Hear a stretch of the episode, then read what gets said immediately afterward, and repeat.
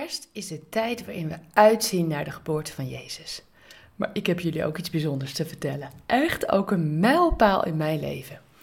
Het was dit moment deze zomer. Mam en pap, dat zeiden mijn uh, zoon en schoondochter, we moeten jullie wat vertellen. André en ik keken in vier stralende ogen. In onze gedachten ging dat gewoon pijlsnel. Wat zouden ze willen zeggen, joh? Het is blijkbaar de bedoeling dat wij gaan raden, maar de energie en de verwachting waarmee wij aangekeken werden, was gewoon te groot om ook maar één poging te durven wagen. En toen zeiden ze het eigenlijk al heel snel: We krijgen een kindje. Wat? Echt? Oh nee. Nou, vorig jaar stond, nog, stond ik nog met tranen in mijn ogen toen mijn zoon ja zei tegen zijn grote liefde. En nu sta ik opnieuw met waterige kijkers en zeg ik ja tegen dit nieuwe leven. Een baby.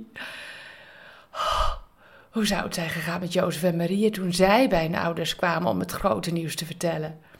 Zij hadden hun officiële ja-woord nog niet gegeven en toch, een baby, hoe dan?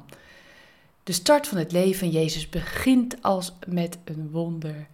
Leven met God is ook echt een wonder, ook voor jou en voor mij. En jij bent zijn wonder. Mag God in jou vandaag woorden van wonderen spreken. En laat deze woorden liefde opborrelen in je hart. Ik ben zo blij met jou, zegt God. Vanaf het eerste moment dat jij werd geweven in de schoot van je moeder was ik erbij. Ik heb je zo lief. Ik heb je zo gewenst. Ik zie je. Ik laat je nooit alleen. Mijn aanwezigheid is dichtbij.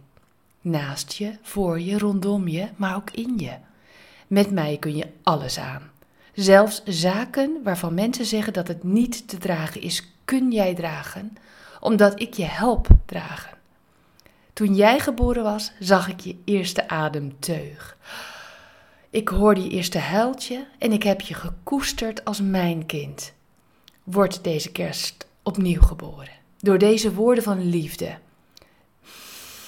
Zuig hemelse zuurstof in je longen en voel mijn kracht in jouw leven naar binnen stromen. Deze kerst kun jij vieren, omdat we het samen vieren.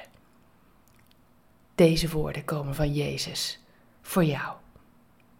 Trouwens, babytje Veen wordt in april 2021 geboren. Lieve vrienden van Ik Wonder Jou en de mensen die luisteren via Groot Nieuws Radio. Ik hou jullie echt op de hoogte van dit wonder. Bedankt voor het luisteren naar Ik Wonder Jou. Hebben de woorden je hart geraakt en de teksten je geïnspireerd?